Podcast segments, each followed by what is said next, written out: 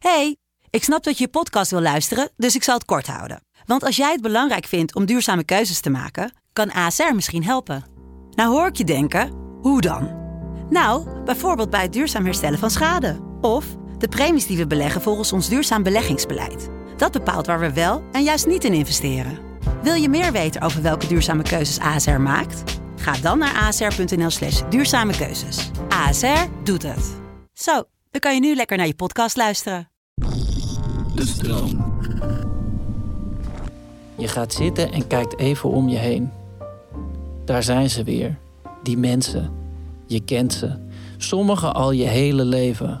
Samen om een tafel, vol met leugens. Niet over dit beginnen. Ze moeten niet komen over dat. Niet bij jou, niet vanavond. Je hebt het helemaal gehad.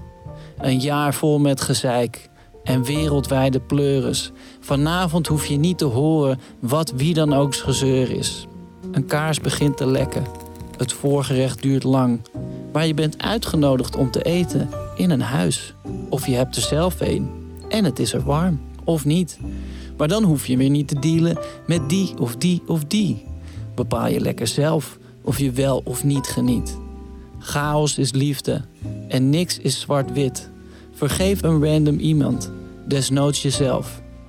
Wees warm voor een ander. Ieder beetje helpt.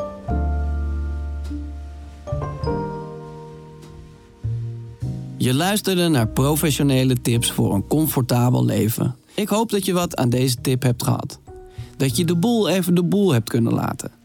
Heb jij zin in nog meer fijne podcast? Luister dan eens naar Vader of de podcast Use J New Emotions. Geniet. Liefs, Pepijn.